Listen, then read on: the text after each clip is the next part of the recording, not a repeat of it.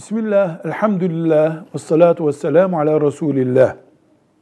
Kur'an'ımızdaki her ayet, Peygamber sallallahu aleyhi ve sellemin her sözü, insanların aklına, bilim adamlarının ortaya koyduğu verilere uyuması mı gerekir?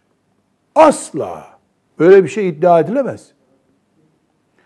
Allah'ın sözü, kulların aklına uyacak olduktan sonra, Allah'ın konuşturduğu peygamberinin sözü kulların idraki düzeyinde olacak olduktan sonra e, bunun kutsal olmasının ne anlamı kaldı? Anlayabildiğimiz kadarını anlayarak teslim oluruz. itaat eder, uygularız. Anlayamadıklarımızı da anlamasak da teslim oluruz.